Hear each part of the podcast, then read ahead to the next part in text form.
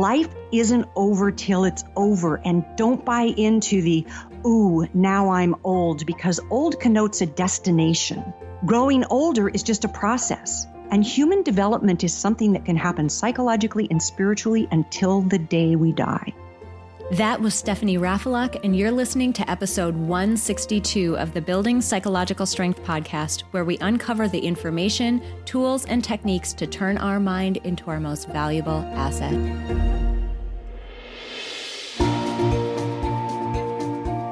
The courage to face fears with persistence being able to be present enough in this moment to choose my response thoughtfully. We have the strength to bend to life stressors, to bend to adversity without snapping, without breaking. There are only six things that contribute to our quality of life, and they are all experiences. In every moment, we are deciding who we want to be and how we want to live our lives noticing what your brain is doing and then being able to make choices. Mobilize the things that we know lift us up. Fear is not logical, it's primal. Hey everyone, welcome back to the Building Psychological Strength podcast. My name is April Seifert and I'm your host. If this is your first episode or one of your first episodes, I want to say thank you so much for trying us out and for giving us a listen. We absolutely appreciate it. And if you are returning, I want to say welcome back. I love having you here. I love hearing from you. And I absolutely love hearing the things that you are learning and taking away from the podcast. And on that note, I want to quickly highlight a review that we got on iTunes from DJ Rich B. Now, think about this. If you have listened to our episodes in the past, you might recognize that name. Rich B, Rich B. Where have we heard that before?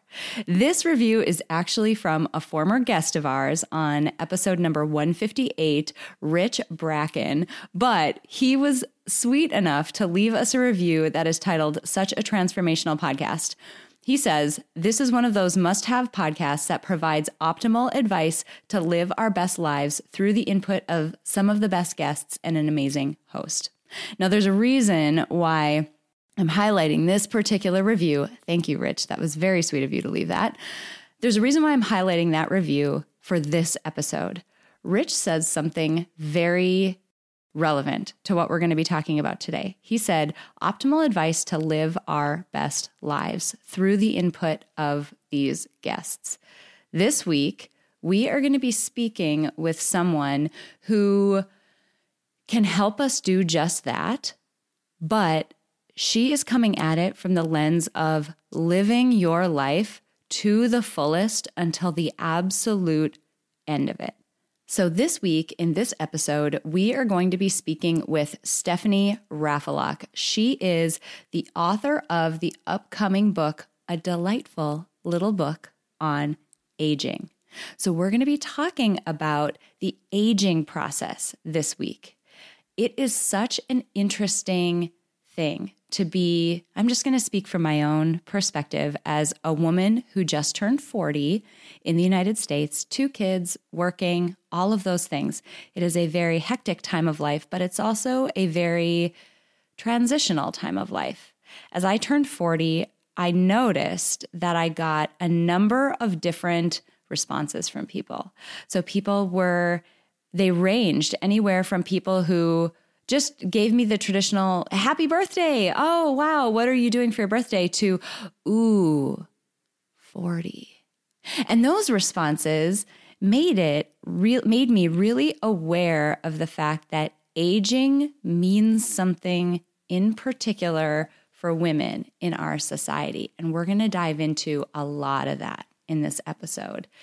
You know, as much as times are changing, as much as, you know, women are really coming into their own in our society, there are still things that in our unique experience, we experience more so than other people. And I don't want to say that, you know, men don't experience, you know, the pressures and transition that comes with aging. They definitely do.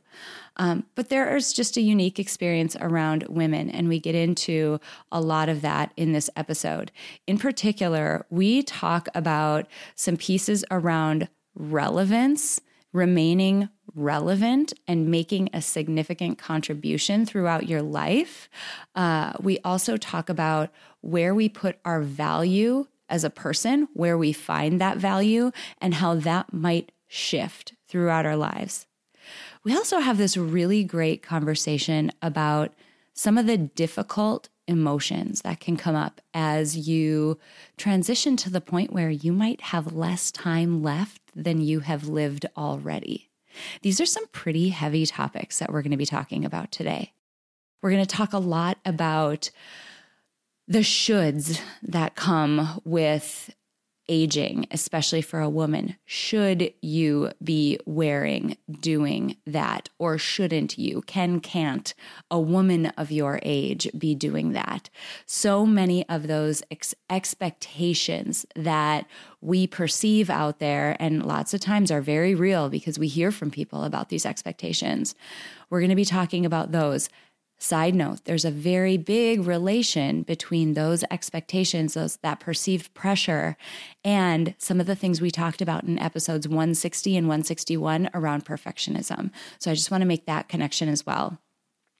And we talk about looking ahead and using the idea of the type of person you want to be remembered as and the way that you want to be able to feel as you near the end of your life.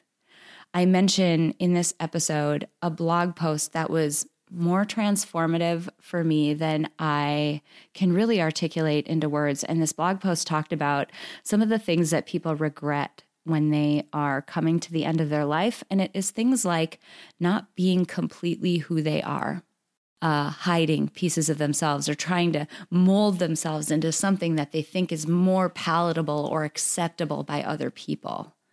I'm sure we've all felt the pressures of doing that and have done that from time to time. I am absolutely guilty of that. Also, the regret that comes from not trying something very few of the people that this blog post talked about, these people who are at the end of their lives, very few of them regretted things that they did imperfectly.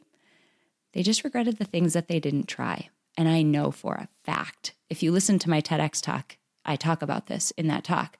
I know for a fact that I went through a time in my life where I felt very constricted and I was not doing the things that I wanted to do.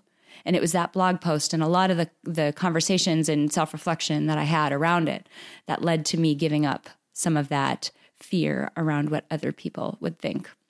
I also have this really funny anecdote around um, a woman that I met in Italy who we will call Italian Bikini Lady. Um, I talk about how she has become the pinnacle of who I think about when I think about the aging process and how comfortable I want to be in my own body and how much I want to accept my own body for what it is at that stage, rather than being upset that it doesn't conform to some ideal that I might have held earlier in my life or some way that it might have looked earlier in my life. Now, I just want to be very transparent and open with you. I am a woman who is 40 years old who has had two children. I struggle every day and I think about every day the transition that my body has gone through in the last, say, five years. Five years ago, this actually just came up on my Facebook, whatever, when they send you little memories of things that happened to you in the past. Five years ago, this, these very days, like it came up, I think, two days ago. I was competing in a powerlifting meet and I was the leanest and strongest that I've ever been. And I don't look like that anymore. And my body doesn't function that way anymore for a variety of reasons, but two of them being I had two pregnancies in there.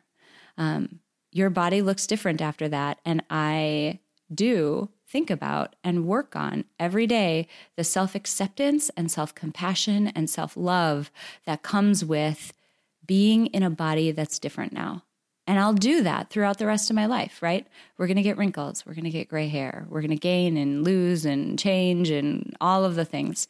We have a great conversation around that in this episode. So I just wanted to share that a little bit because it can be really easy in these things to for me to put on my psychology hat, for me to put on my how do I get to the root of explaining this concept hat and make it sound as though I have this all together. I don't. I'm working on the same things that you are. And so these episodes are just as impactful and valuable for me to hear as they are, hopefully, for you. So we have a great conversation about not so much about how you want to look as you get to the end of your life, but what kind of person do you want to be remembered as? What legacy do you want to leave? And how, you, how do you want to feel on your last day? This episode really gets to the crux of one of the biggest passions that I have. And this is one of the reasons why I mentioned uh, Rich's review on iTunes because he talked about how the guests on this show can help you live your best life. That is by far and away, bottom line, at its most simplistic, my biggest mission and joy in this world is helping people do that helping you keep your eye on the things that really matter, helping you move through those times that might be more difficult, equipping you with the, men- the mindset and the mental strength so that you can show up as your best version of yourself, your most fully expressed version of yourself, so that you fully experience your life. Because so many people don't have that opportunity. And we talk about a lot of that in this episode, too. So, if you're here for this episode, this one is a very deep one, but it is one that absolutely touches my heart in so many ways. And I hope it does the same for you as well. So I'm really excited for you to uh, learn from and meet Stephanie Raffelock and get her um, just wisdom and her perspective as a woman who is absolutely thriving in the later chapters of her life. I can't wait for you guys to hear this interview. So let's get to that tape. Stephanie, I am absolutely thrilled that you are here today. We are going to be tackling a topic that I have never covered on the podcast before. And so I'm thrilled to dive in. So thanks for being here. Thank you for having me. So, you have an amazing perspective and amazing expertise in, as I mentioned, a topic that I've never tackled before, and that is what it means to move through our lives and move into the latter stages of our lives. You focus on how people can thrive and remain resilient and really enjoy life as they get older. Tell us a little bit about that work that you do and why it is you're so passionate about this in particular. I've always been interested in women's issues, and for a large part, getting older is a woman's issue because we deal with the how do I look part of that. Whereas men can thrive in an older part of life and they don't necessarily have that um, criteria in the space, so to speak. So I love listening to what other women have to say. A few years ago, I was writing a blog for a site called 60 and Me. And one of the cool things about writing a blog for someone else is you get like instant feedback. You know, people will will say, "Well, I agreed with this, I didn't agree with that." But in this particular blog, what I was finding was that there was this whole group of like 60 plus women. I don't mean 60, the number, but the age 60 plus women who were trying to figure it out the same way I was. It's like, well, what do I do now? Because there's a lot of mythology and stereotyping, some of it toxic in the culture. So I began answering these women. I felt that I wanted to write about this and very gradually, over a period of about three years, I really became an advocate and an activist for life isn't over till it's over. And don't buy into the, ooh, now I'm old, because old connotes a destination. Growing older is just a process. And human development is something that can happen psychologically and spiritually until the day we die.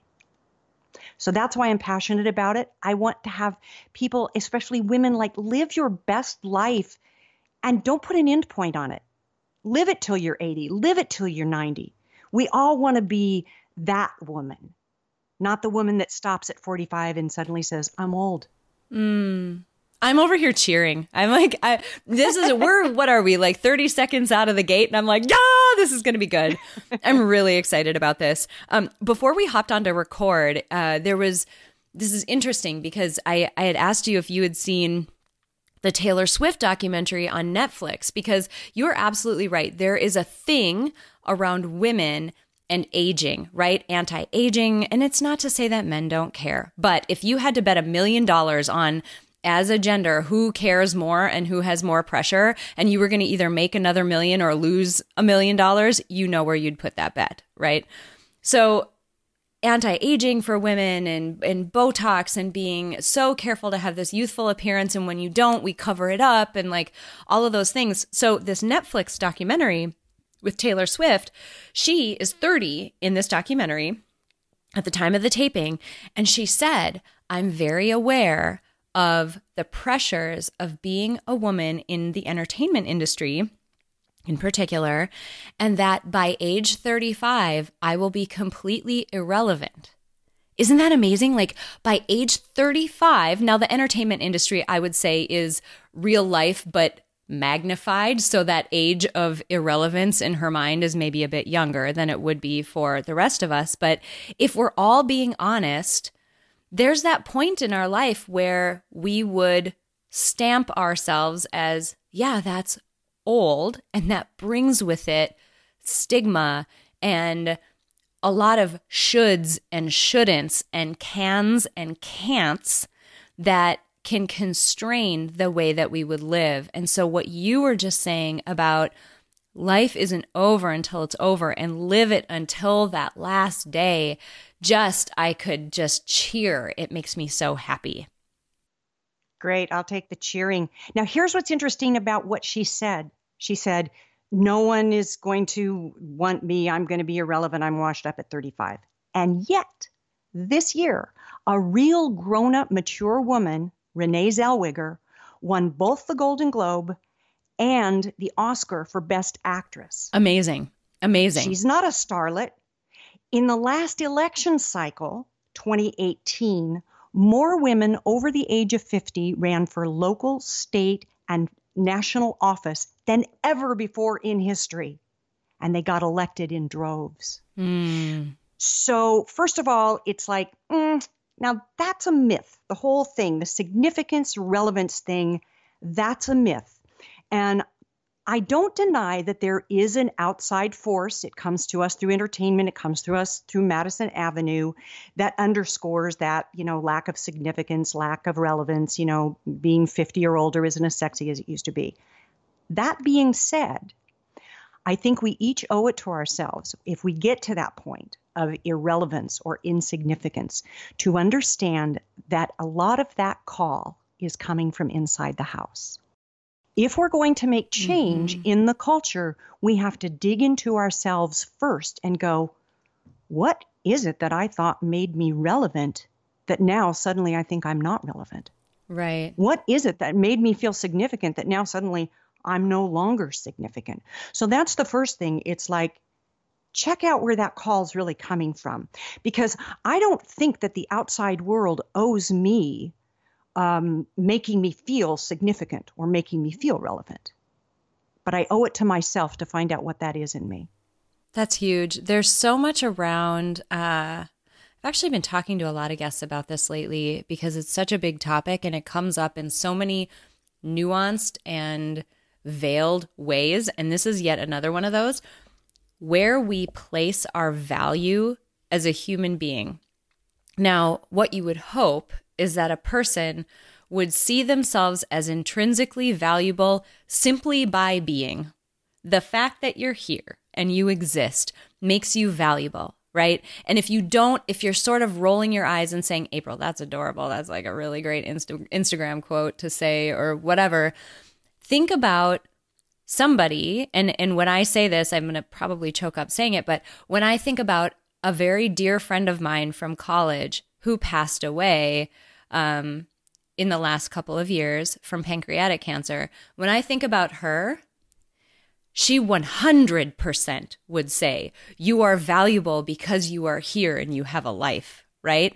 So if you take that perspective and you look at this you know, this situation that you're in, the fact that you're just here as such an incredibly valuable gift, you can start to tease out, okay, well, where are the other places that if I agree that yes, I'm going to be irrelevant at some point, where are those places that I'm placing value then? Then it's things like a youthful appearance and physical appearance. That's a huge part of it for women, if we're being honest.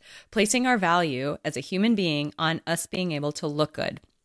Huge piece of it. Um, and so much that goes with that. Well, it's so interesting about, you know, your generation, especially, and certainly my generation, has wanted to give the message to our daughters, our granddaughters, our sisters, our nieces, young women around us that your worth is not contingent upon the size of your thighs or the size of your bank account. That your worth is not contingent upon whether or not you have wrinkles. Um, the message that we give to those young women, to our daughters, is really the message we need to be giving to ourselves as we age. My worth is not contingent upon if I have wrinkles or not. My worth isn't contingent upon how I look. Now, that being said, I would like to say that I think that there is a period of grief that happens as one goes into older age. You realize that the life you've already lived is is much longer than the life you, that you have left to live. Mm. So I think that it's fine to grieve. In fact, I think that grief is one of the great transformative forces of life. Love and loss, those are the two forces that really push us forward, that push us into being bigger, fuller, richer human beings. So that period of grief that happens at midlife is fine. Go ahead and, and grieve the fact that, you know, it's like, yeah, I'm not going to look like a Madison Avenue or Instagram model anymore. Um, go ahead and grieve, you know, the athletic prowess that that wanes a bit. But once you're done grieving that, cl- put a stake in the ground. Claim that you are becoming a wise elder, that that really is the gift of years, this last part of your life, that you've got an opportunity to be a light to yourself and a light to the world by how you live your life. And that has nothing to do with looks, and it has everything to do with attitude and the vision that you hold for yourself. Mm, let's go there. Okay, so what you're talking about is, um, I think as we look at ourselves, when I think back to myself as a 20 year old or in my 20s, maybe, and just for just to put like the line in the sand for folks listening to this if you don't know this i just turned 40 so that, that to just anchor me into the stage of life that i'm in that's how old i am so when i think back to when i was tw- in my 20s there was a lot of focus on physical appearance and focus on that being something, you know, you're kind of like out there peacocking a little bit and like dating a lot. and I mean, it's, I think it's very natural at that stage of your life to focus sure. on that. At some point, though, you know, you reach a point in your life where you start to realize that there's more and that the things that you thought might make you happy, they're not the things that make you happy. And you start to get this deeper feeling. So, what we're talking about is like, is a sort of a transition point, right? It's like a, it's a, turning of the Titanic in a new direction that you may not have gone before into what you're talking about your purpose and your intention for the next chapter of your life. How do people make that transition? Or what does that transition look like? What characterizes it so that, you know, we can think about that as many of us are probably mid transition or or beginning that transition. Well, I think the wake up call for transition is grief. You know, you hit 40 and it's like are you okay? right? Or you hit 50 and you begin to feel older and so there is that little moment of grief and and keeping in mind that that kind of grief dogs us our whole life you know there's a little bit of grief that comes with leaving childhood and becoming a teenager um, grief that that comes with being a teenager and moving into college age or mo- moving away from home, and so that happens at every stage. And grief is a transformative force that pushes us forward. Um, so at midlife, I think that's the that's the whisperer. That it's like, why am I feeling sad and I can't really hang it on anything? What am I grieving something? And I think that sorrow is um, something that we tend to push away when a lot of times we should be listening to what that sorrow is telling us. Uh, I read a book in my 30s that had a big, big influence on me. Uh, it was by a woman named May Sarton. It was called Journal of a Solitude. And I had never read a woman who wrote so rawly about is that even a word rawly she wrote she wrote about her emotions in a way that was very raw and very authentic and i remember she had this one line about anger and she said um, you need to be with your anger long enough for it to teach you something Mm. And that is true of grief you need to be with your sorrow long enough for it to teach you something and i think it's perfectly fine to to ask of your emotions what is it that you're what is it that you're trying to show me here Mm-hmm. Oh, that's because good. we're yeah we're never left without a north star really it's just that I, I think sometimes we we know how to talk to other people and maybe don't know how to talk with ourselves or to ourselves Mm-hmm. There was a that's so profound that you have to be with these difficult emotions until they can teach you something. That's amazing. I did an interview um, uh, recently with Steve Hayes. He's a psychologist and the founder of acceptance and commitment therapy. It was such a wonderful interview. And in it, it he hit on the same thing that you're hitting on, which is why I'm bringing it up. He hit on this notion of like, imagine you had a piece of paper, right? And you were writing the experience that you're having with grief or with anger or whatever the difficult emotion is. You're writing it on this piece of paper in detail about how you're feeling. And if you look at that emotion and you think about flipping that piece of paper over and then asking the question of, if I feel this way, what does that mean that I care about? Like if I'm if I'm able to be angered by that, what is that telling me that I care about or that I value or that I desire? What is that? And from there, you can start to drill in and go down a series of whys. Interesting. Okay, well, why do I want that or why do I care about that? Okay, interesting. Well, why is that important to me? And at some point, you'll get to that underlying, you know, foundational basement uh, finding. And a lot of the time, what you get to is very basic human desires like because I want to feel valued as a person, because I want to feel like I belong with people. Basic things like that. And what's cool is once you know that, like, okay, great, I want to feel valuable as a person. Well, maybe the direction that I was going in order to feel valued as like some skinny, hot Instagram model, maybe that's not the direction I can achieve this anymore. But if I want to feel valued, then now in my position, how do I do that? Like, where do I find my value as a person? Maybe it's in service. Maybe it's in helping other people. Maybe it's in creating something new and beautiful if you're artistic in that way or creative. Whatever that happens to be, I don't care. But you can get to that foundational, just bottom line desire of yours and then build up from there. And so he spoke about the exact same thing around um, these difficult emotions. Don't push them away. Let them in and let sit with them. Yes, I Yeah, love that. Yeah, they're touchstones. So I I think that that's how we move forward, and it's like the the life goal is to move forward with greater and greater experiences that we can give ourselves to. Mm. Right? It's like I know that we are meaning seeking creatures, but I was listening to a Joseph Campbell thing not that long ago. And Joseph Campbell said, It's not really about the meaning for us. That's not what we're going for. What we're going for is the rapture of the experience.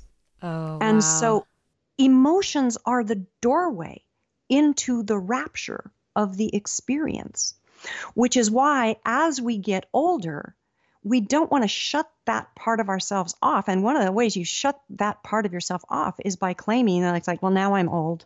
Well, now I'm not significant. Who's going to want me? You want to go for an experience that says, wow, what a ride. And you know, you mentioned a friend earlier that had um, had died in her what 30s pancreatic cancer. Mhm. So you know, at this stage of life, and I'm I'm going to be 68 in a couple of months. I- I think that it's a privilege to have lived this long. A lot of my friends didn't make it. So I think of them. Yeah, I agree. I uh, if this is one of your first episodes with me, you might not know this about my background, but my we I lost my dad to cancer when I was 11, and I've spoken. Um, I did a TEDx a talk talk where I spoke in depth about this, and I've done some writing on it and that type of thing. Where at some point you reach a, a point in your adulthood where you start to think about, wow, what must that position you know at first you think about it from the position of a child who lost their parent and you're you're very egocentric naturally in your own grief um, and your own experience but as i've gotten older i've been able to think about wow how must he have felt um, he had cancer when he was 40 years old when he was my age and he had two young young kids me being one of them and my brother. Um, i also have two young kids and i think about wow what must the perspective that he went through what must that have been um, been like? And what were the fears and the sadness that he must have felt oh my gosh, how lucky I am right now. And that's not to say, I, I want people to understand the nuance here. Like, it is an amazing gift and it is an incredible thing, but that doesn't mean that you're not going to have moments where, you know, you're sad that you've closed a chapter in your life or you're sad that you know you maybe you look differently like anybody who's gone through a pregnancy knows what it's like to have their body morph and change and then change sort of back and then different again and whatever and how just weird and unnerving that can be. That's not to say that every minute you have to be pretending like everything's okay, otherwise, you're ungrateful. But more like, to me, the way that I like to think about it is the through line, the thing that I go back to each time is, yep, this is difficult, but there are alternatives that would be even more so, or there are alternatives that I would rather not be in, and I would pick this over them. So right. it's more of a through line. Yeah. Yeah. Love and loss. I mean, it's like without loss, we don't know how powerful love in our life can be. And without love, the loss is unbearable. So they're going to they're going to always ride us in tandem. Those experiences that texture our heart to a greater compassion ride side by side throughout our life. And one of the things that excites me about growing older is that the journey, the psychological, spiritual journey, is ongoing. It doesn't have to end. So why not dig around in it and find the gems that are there? And then encourage the people around you, the women that will come after you. Mm, I love that. And that's exactly what you're doing right now. I mean, that is the exact audience you're talking to right now. I want to talk a little bit about uh, a very, very nasty word um, it's a it's a really dangerous word, but this word of uh, should and its partner shouldn't. Um, you know, there's all these uh, ideas that we we give very strong messages um, a lot of the time about what someone of our age should or shouldn't be doing. And I, I have a, there's a woman that I think about who always makes me smile whenever I'm in a position where that word comes up. I think about her. I was on vacation in Croatia uh, years back and we randomly popped over to Italy. We were like right on the border. So we popped over to Italy for lunch one day. We parked our car. We got into this funky situation where I ended up having to push our car out of this parking spot. Long story, really hysterical. I'll tell it someday. But anyway, I'm pushing our car out of this parking spot, but I was having a tough time. And my husband, for whatever reason, he's steering and I'm pushing. We'd had this all backwards. But a woman ran off the beach so we were parked right next to a beach. A woman who was probably in her 60s ran off, saw me, and was like, Oh my God, this woman needs help. And so she ran off the beach to come and push the car with me. And it's this woman in her 60s wearing a bikini at the beach in her 60 year old body, right? I don't, and like, could not have given less of a care about the fact that she, this is just her bathing suit. I don't care. This is just what my body looks like. I don't care. You need my help. I'm going to come help. It was like the most matter of fact, amazing experience because here's this woman who's coming to help me, who's wearing what she, quote, shouldn't wear. In the US, she would probably get comments and side glances and whatever. And it was just such a non issue for her. And I always think about that woman. Like, you never know when you're going to have a profound impact on someone by such a small gesture. She did.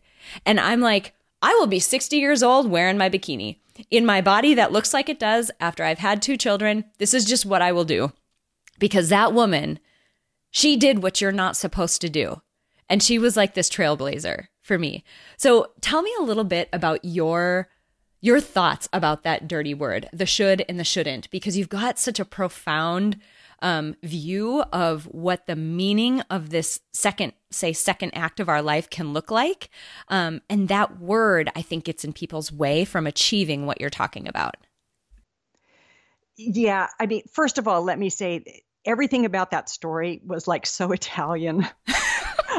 I mean, it was. It's like I love it. She's in a bikini. so wonderful. Like, God, I love that. Okay, the should word. It goes hand in hand with another sh word, shame. Very much. You so. should be yes. doing. You should be doing this. Well, there's like a little agenda there, isn't there? And it's the shame word. And I think that that's what underneath all the stuff about relevance and significance and how many wrinkles and stuff is this idea of shame. Are you ashamed to grow older? Are you ashamed to be 40? Are you ashamed to be 50? That's not that's not the rapture of the experience that I want. So mm-hmm. I think that we have to dig around and say, you know, what what is it where is it that I feel shame with this? And is it really necessary? Now obviously, the Italian woman in the bikini didn't feel shame. It's like, this is my body. I've lived this long. I'm on the beach. You need help. Hey, no problem. That was it. Mm-hmm. And she wasn't, you didn't shame her. You were like inspired by her. Right. So we worry so much about the should and should nots. And really, what's just under the surface of that should and should not is shame. And the audacity in some cases, the way that it feels is the audacity that you don't feel shame. I can't believe yes. what you hear. You know, when you hear sort of pushback, um, you know, a, a woman like who looks like her, whatever, wearing that bikini. Oh my gosh, bleh. and she was not like you know, a 60 year old bikini model who's, you know, maybe been airbrushed to look pretty. She was just like a lady, like a normal lady, right? Um, right, right and the it's almost like the audacity the the rules that we get put in place to stay in line and do what we're supposed to do. It's this audacity that how could you do like how dare you not feel shame? How dare you go do that in spite of the fact that you have that dimple you have that wrinkle you have that bulge right there you have that you know curve you are missing this other curve you you know whatever it happens to be um how dare you not feel shame? You're absolutely right. That is right under the surface there. Yeah. Oh man. How do we get people over that? Like how do we how do people start to move past that? Because that impacts you. I don't care if you're 20 years old, 30 right. years old, the rules change, right? Like the rules change about what you should or shouldn't do, can or can't do as a woman of your insert age here. The rules change, but that same feeling is what keeps us in line. How do we change that? I think that cultural change um, takes a long time. Personal change can happen more quickly, although one hopes that you change and reinvent yourself your entire life. But cultural change comes about as all from all those people making personal change. And we've seen that if you look back to um, the beginnings of feminism with just the suffragettes marching to have the vote. We've come a long way from that vote mm-hmm. to um, the hashtag Me Too movement, which was also an area of shame. People, women kept those things secret. Mm-hmm. So that cultural shift is something that's going to take 40, 50 years. And I can do as much as I can do in my lifetime, and you will do as much as you can do in your lifetime. I think part of it is that we support other women. And by support other women, I don't mean just like, let's go have a martini and they're there. Um, I mean, support other women with, let's not be afraid to educate each other. Mm. Why do you, why do you want to do that to yourself to think that you should be this or you should be that? What's preventing you from like loving yourself more fully, accepting yourself the way you are? That's something that we can do for each other. That's what real support and encouragement is for me. I love you just the way you are. I'm not going to judge you if you're 20 pounds overweight or 100 pounds overweight. Mm-hmm. I don't mm-hmm. care. So I think it's part personal and part cultural for those shifts to happen. And they take the time we take, but every single step counts. When mm-hmm. I think of the mm-hmm. women in my life, and I and I sometimes do this as just a visualization for myself, I think about the women standing behind me. I think about my great great grandmother Eva, who came over here on a boat from Poland with her family and raised nine children. And she didn't have the opportunity of education. And then I think about my grandmother Julia, who was one of her daughters, who also didn't really have the opportunity of education, though she managed to get through the third grade. Mm. And she became a voracious reader as a result of it. So I grew up not even thinking about her education because she always had a book going on. And then I think about my mother, who came of age at a time when the family really thought it was best if she dropped out of school and helped with the farm because mm. the depression the mm. depression was going on. So I was the first woman in my family to graduate from college. And, you know, it kind of gets baked in the cake DNA. I had a really rough time going that route and getting myself through school and getting myself through college because there was no modeling of that for me. But every step of the way, my great great grandmother Eva, that I, I see in my mind's eye, and my grandmother Julia, and my mother, these women took steps for me they sort of loved me into life for the steps that they took for me. And so it's good to remember our ancestors. And, you know, it's funny, we would never judge our mothers. I right. hope the way that we judge ourselves. Right. I would never have said to my mother, "Oh gosh, your hair, you know, it's it's all white. It should be, you know, you should dye it." Right. I would never say that to her. What I remember about my mother is I remember her eyes and I remember her wicked, wicked sense of humor. Mm. That's amazing.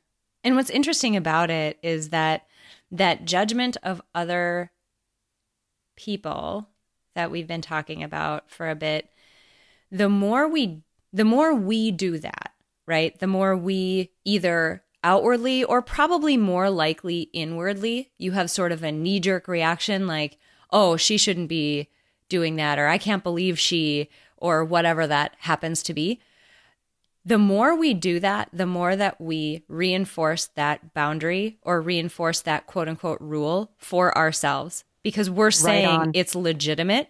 So the more yep. times we do that, and I think what's what I loved about what you just said is supporting other women. I think that should be our challenge from this episode to say, make an intention to be that woman who is going to support the other women around her who are going to who's going to assume that in each of those situations they're doing their best. And if they're showing up not that great it probably means that there's something pushing them. There's a pressure there that's causing them to either behave or be in that mood whatever it happens to be. But be that woman who is going to assume everyone's doing their best and is, you know, living their best life, wearing whatever they're wearing, being however they're being. And when that, when you catch yourself internally, because it'll happen, right? We're all human. It just, sure. it happens. When you catch yourself having those thoughts of, I can't believe she, or why would she, commit to exploring those thoughts in the way that you and I have talked about in this episode. Like, commit to saying, why do I care about that? What rule am I asking her to follow? Well, where did that rule come from? Well, why do I think she has to do that? Because that'll tear down those boundaries for yourself too. You're going to end up feeling much more confident in your own skin, I believe. Absolutely. And you are, you know, you are an uplifter. That's who I want to be in the world is I want to be an uplifter. I want to be a light to the women around me. And like you said, you set an intent you create a vision. You know, we create a vision for each decade of our lives. Um, the vision in our 20s is a little more shallow than others, but it's an appro- it's appropriate for that time of life. In our 30s, it changes a bit. In our 40s, it changes a bit more. You get to this stage of life. When I say this stage of life, I mean my stage of life, which is the last third of my life. And I'm less about goals and ambition than I am about what kind of person do I want to be? Mm-hmm. If I've only got mm-hmm. 20 or 25 years left to live my life, um, what kind of person do I want to be? I want to be an uplifter. I would like to walk through the day with kindness. I say a little prayer every morning for myself about dragon heart. I like symbols. And I love the symbol of the dragon because it's fierce, it's focused, and so I want to be fierce with my love. I want to be focused on my love, that that's how I get through the day. So I say a little prayer every morning when I'm standing in the kitchen waiting for my tea water to boil, that I live with the with a dragon heart, which means I live with a heart that's open to kindness and love, both mm. giving and receiving. And that's the kind of vision that I hold for this third of my life. But I think that as we mature, and that really means to me midlife and beyond, we should be looking at the at the vision of not just what you want to do, but who do you want to be? Mm-hmm. How do how do I want to be in the world? I want to be an uplifter. You want to be an uplifter. And on it goes. And it makes me think a lot about there was this amazing blog post. This was it's again, it's funny, you know, you write something and you never know when something that you've written or whatever, someone writes something, they never know when that is going to be life changing for someone. There's this blog post by a woman named, I believe it's Bronnie Ware, and it's um she was a an end of life ner- like care nurse. So people who are on hospice care at the end of their life. And she spoke with a lot of her patients about these are people who were potentially dying within days of the conversations she had with them. And she asked them about things that they regret. And so this blog post, you can Google it, it's called The Regrets of the Dying. And there are very oh. fundamental things, and it is things like I didn't allow myself to be happy. I let the should and the shame creep in too much. I didn't live out as an expression of who I truly am. I tried to play to the person that I that society thought I should be, and no one regrets the things that they failed, like tried at and failed or didn't do perfectly. Not a single person she talked to regretted that. They all regretted the stuff that they didn't try because of some of those other rules. And that blog post was the biggest punch in the face to me because I thought about, again, my dad and all of the things at the time of my life that I was in. It was probably one of the most boxed in, constricted times of my life. And I thought about all the things that I wanted to do that I wasn't doing because I was afraid that people would judge me for not doing it perfectly. And I'm like, what are you, and this is the long winded point that I'm getting to, is what are you risking? What you're risking is because every single one of us are going to be that person, right? Who has days, hours, minutes to live. Every one of us. And this is like the the bottom line of what absolutely drives me for this work. Every one of us is going to be in that position but the steps that you take today gets to decide what feelings and thoughts you're going to have. What are you going to regret, if anything? Like, are you going to regret that you didn't try something? Do it now then. That regret is going to be because there's no time left and you can't fix it. Like, I think about that April, days, minutes, hours before she dies. I think about her on a more than, like, I'm choking up. I think about her on a more than daily basis because I want her to be I I owe it to her. You know? And so I I just urge people to think about that. It's such a difficult topic and it's painful, but it's one of those things like man, sit with it. The more you do, the less you will care about a lot of these other things. I'm sorry, I cut you off. Keep going because now no, I'm crying no, over you here. You didn't cut me off. I'm I I appreciate the emotion and the the vulnerability that you bring to that statement because at the end of the day that really does come it does come down to that do you want to love more are there things that you didn't try are there things that you gave up too soon that's the that's the stuff of life and living that is more important than whether or not you make the the rules, whether or not you do the shoulds and should nots. It's the stuff that, you know, can you reach that point that this is the this is the end of my life. This is my death. Mm-hmm. Will it be the fruition of my life or will it just be the process of it will it just be the decay, the process of decay? Mhm. Yeah. And I want my death to be the fruition of my life. That, you know, there's a an adage that says we die the way that we live. Mm. So if you live with love in your heart, chances are you will die with love in your heart. I love that. If you if you live knowing that, you know what, I really did do my best, then you will die with that in your heart. So that's the good stuff to hang on to. And I really think that, you know, you do such a valuable service to have this kind of podcast and put out this kind of information that in midlife, women are coming into their own, you know, put a stake in the ground, claim your truth and live it, and support the other women around you while you do it. That's the good stuff. That is beautiful. I want to, as we're wrapping up today, um, actually, before we go there, I also want to highlight something that you said around and think about the person that you want to be remembered as. Like the like who is that person that you want to be? Um because people don't to your point about your mom. Uh I don't I don't know if my mom had like a six pack when I was a younger when I was younger or not. I don't remember when she got wrinkles. I mean, she's in her 60s now, so she has them. I don't know when she got them. I have no idea. I don't remember if my mom was the most well dressed mom or not. I mean, we didn't have a ton of money, so probably not, but that's not what sticks in my head, right? That isn't it at all.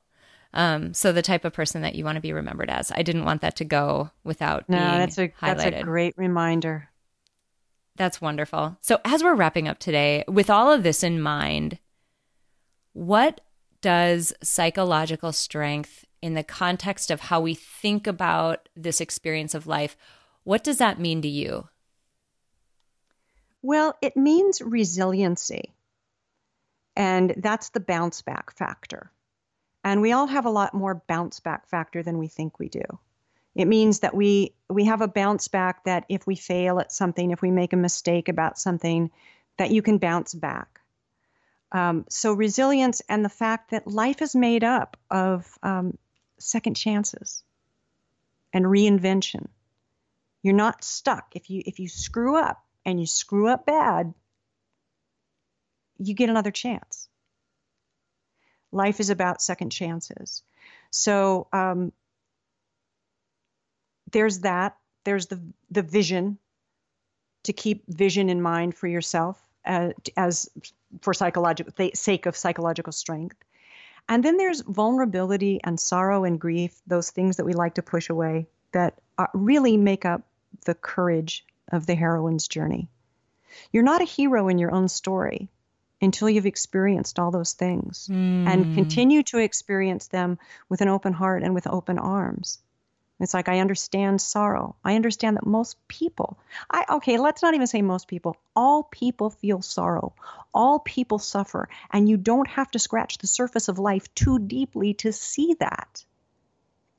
So if that is what is so, then let us give ourselves to the greater experience of what the vulnerability um, teaches us, how vulnerability really is about courage, how failure really is about courage, and that courage doesn't look like the wristbands and the breastplate in Wonder Woman. Courage looks like baby barf on your shoulder and skin knees.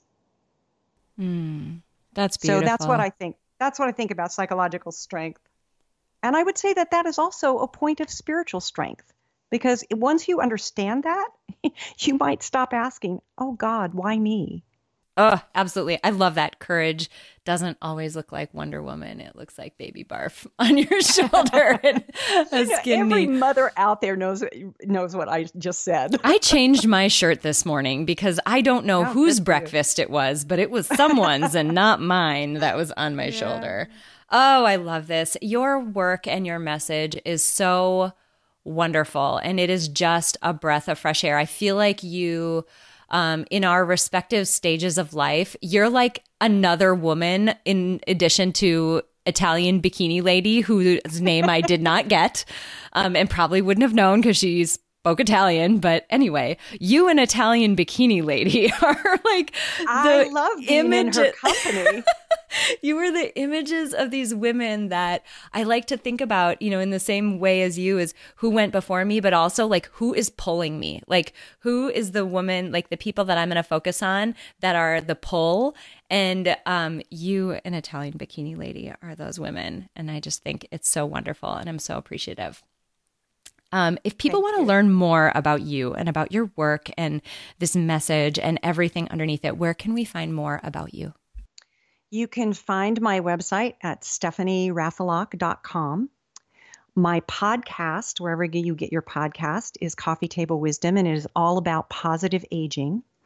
And in April of this year, I am releasing a book called A Delightful Little Book on Aging through She Writes Press, mm. which is mm. available for pre order now on Amazon, IndieBound, um, bookshop.org, and soon to be in bookstores. Wonderful. We'll link up all of those things on your show notes page. So, folks uh, listening to this, you should be able to just scroll down on this episode, get links to all of that goodness, um, and really dive uh, deeper in with Stephanie in all of those capacities. This has just been so wonderful. We're hitting on we hit on so many of the topics that I'm so passionate about. And the real underlying reason why this work drives me so much, bottom line, is so that people can experience life uh, more vividly, more aligned, feel more free to be who they are. And um, I adore that your work is doing the same thing and shedding light on um, you know the journey that we're all taking and the the direction that we're all going to go. And so we get a choice as to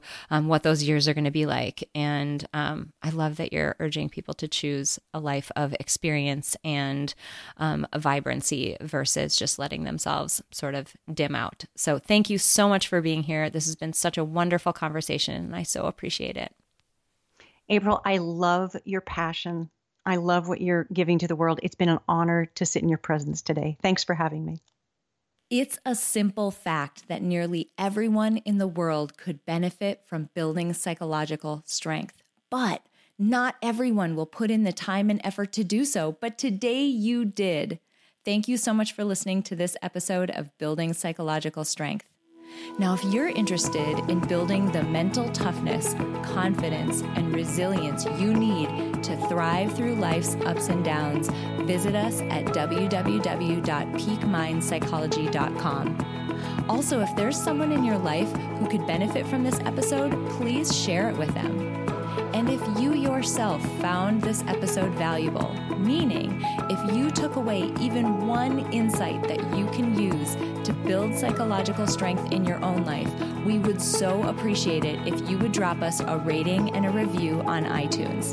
The thing is, the more ratings and reviews we have, the easier it is to get this powerful and important content out to the people who need to hear it. Remember, your mind can be your most valuable asset or your biggest liability, and you get to choose.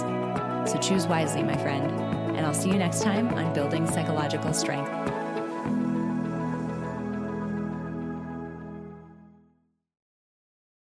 At Parker, our purpose is simple. We want to make the world a better place by working more efficiently, by using more sustainable practices, by developing better technologies. We keep moving forward. With each new idea, innovation, and partnership, we're one step closer to fulfilling our purpose every single day. To find out more, visit parker.com/purpose. Parker, engineering your success. Swimsuit? Check. Sunscreen? Check. Phone charger? Check. Don't forget to pack the 5 Hour Energy. It fits great in a pocket or carry on, and the alert feeling will help you arrive ready for anything. Now get 20% off when you use code 5HE Travel at 5hourenergy.com.